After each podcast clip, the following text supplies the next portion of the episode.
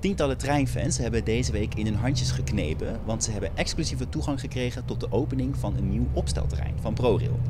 Inclusief bustransfer vanaf station Sloterdijk. Want ja, ProRail legt hun fans in de watten vandaag. Ik ben Ruben den Harder en vanaf het nieuwe rangeerterrein in de Amsterdamse Westhaven duik ik een dagje in de wereld van treinfanaten. Je, je vergeet eventjes helemaal dat je een volwassene bent. Ik ben dan toch weer van de nostalgie. Het heeft ook een beetje met ons jager-verzamelaar zijn. Oh ja? Nou ja, we zijn er. En wat eigenlijk gelijk opvalt, het is gewoon een doodnormaal industrieel terrein. Met een paar stukjes spoor, vier treintjes erop. Ja, er is een hele rondleiding gepland. Dus ik ben benieuwd wat er te vertellen valt. We staan nu op het uh, nieuwe reizigersapplassement van uh, ProRail. Reizigersapplassement, zei je? Ja, ja, want hiernaast ligt ook nog een goederenapplassement. Maar vooral het woord applassement begreep ik even niet eigenlijk. Oh, uh, eigenlijk gewoon een plek waarin we treinen opstellen. De slaapplek van de trein eigenlijk? Ja, nou ja, dan wordt hij schoongemaakt, gereinigd, technische controle gedaan. En daarna gaat hij weer, zoals ze dat noemen, de rijdende dienst weer in. Zoals jullie zien, de dwarsliggers zijn inderdaad veel hergebruik. Een deel komt uit ons. Je hoort Leen Molema, bouwmanager van ProRail. Die is ons nu aan het rondleiden over dit reizigersablassement. Een woord dat ik net heb geleerd. En we zijn nu denk ik zo halverwege die rondleiding. Als ik zo om me heen kijk, dan ben ik dus echt de enige die hier gewoon de helft niet van begrijpt. Er wordt echt met jargon rondgeslingerd alsof het niks is. Een treinfanaat Richard Slisser, die staat hier naast me. Die is in ieder geval wel aardig op de hoogte.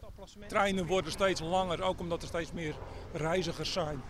Vandaar dat er hier ook uh, rekening is gehouden met uh, 110 bakken. Uh, bakken, dat is een spoorwegterm voor, voor wagons. Je zit zelf ook wel lekker in de terminologie, hè? Ja, dat, dat sluipt erin.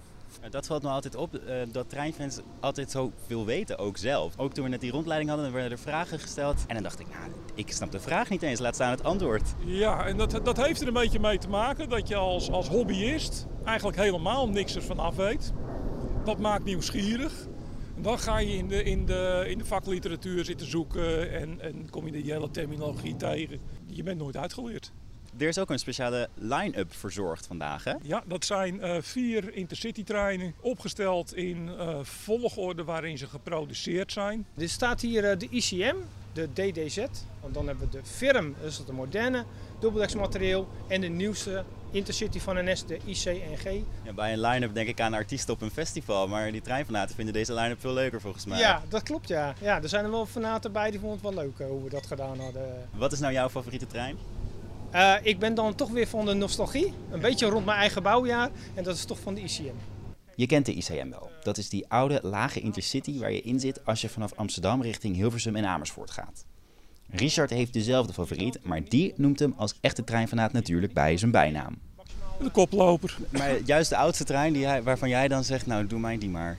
Ja, uh, Oer-Hollands ontwerp, in Nederland ontworpen. Het is misschien wel een hobby die een beetje verwoven is met nationalistische gevoelens. Onze, onze mooie treinen, onze Nederlandse spoorwegen. een stukje nationale trots. Een, een, een, Nederlander reed vroeger bijvoorbeeld in een DAF. Dat was toch een stukje nationale trots. Ja. En dat hetzelfde had je met, uh, met onze Nederlandse treinen. Wat is er nou zo leuk aan, aan die treinen? Het is, het is de nostalgie ook omdat ik ben opgegroeid vlakbij een spoorlijn en ik hoorde als, trein, als klein kind hoorde ik de treinen rijden.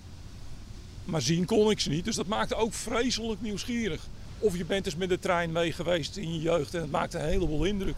Ja, die indruk die voel ik ook wel inderdaad. Zeker als ik dan zo dicht bij zo'n trein sta, die je op een rangeerterrein ziet waar je normaal nooit komt. Dat je bijna die, uh, die kinderlijke verwondering weer voelt. Ja, dat is het. Dat is, dat is eigenlijk de charme hiervan, je, je vergeet eventjes helemaal dat je een volwassene bent. Of eigenlijk wie je bent. Je bent alleen maar aan het opgaan in dat imposante grote apparaat wat je daar ziet staan. Het heeft ook een beetje met ons jager-verzamelaar zijn te maken. Oh ja? Het is groot wild. Je ah. jaagt met je camera op groot wild. En het is nog gevaarlijk ook, want je moet er niet voor gaan staan. Nee. Het is nostalgisch. Het is zelfs ons oerinstinct. Met die gedachte ga ik toch wel extra genieten van mijn treinreis naar huis. Maar niet voordat het opstelterrein met vuurwerk en al officieel wordt geopend. 5, 4, 3,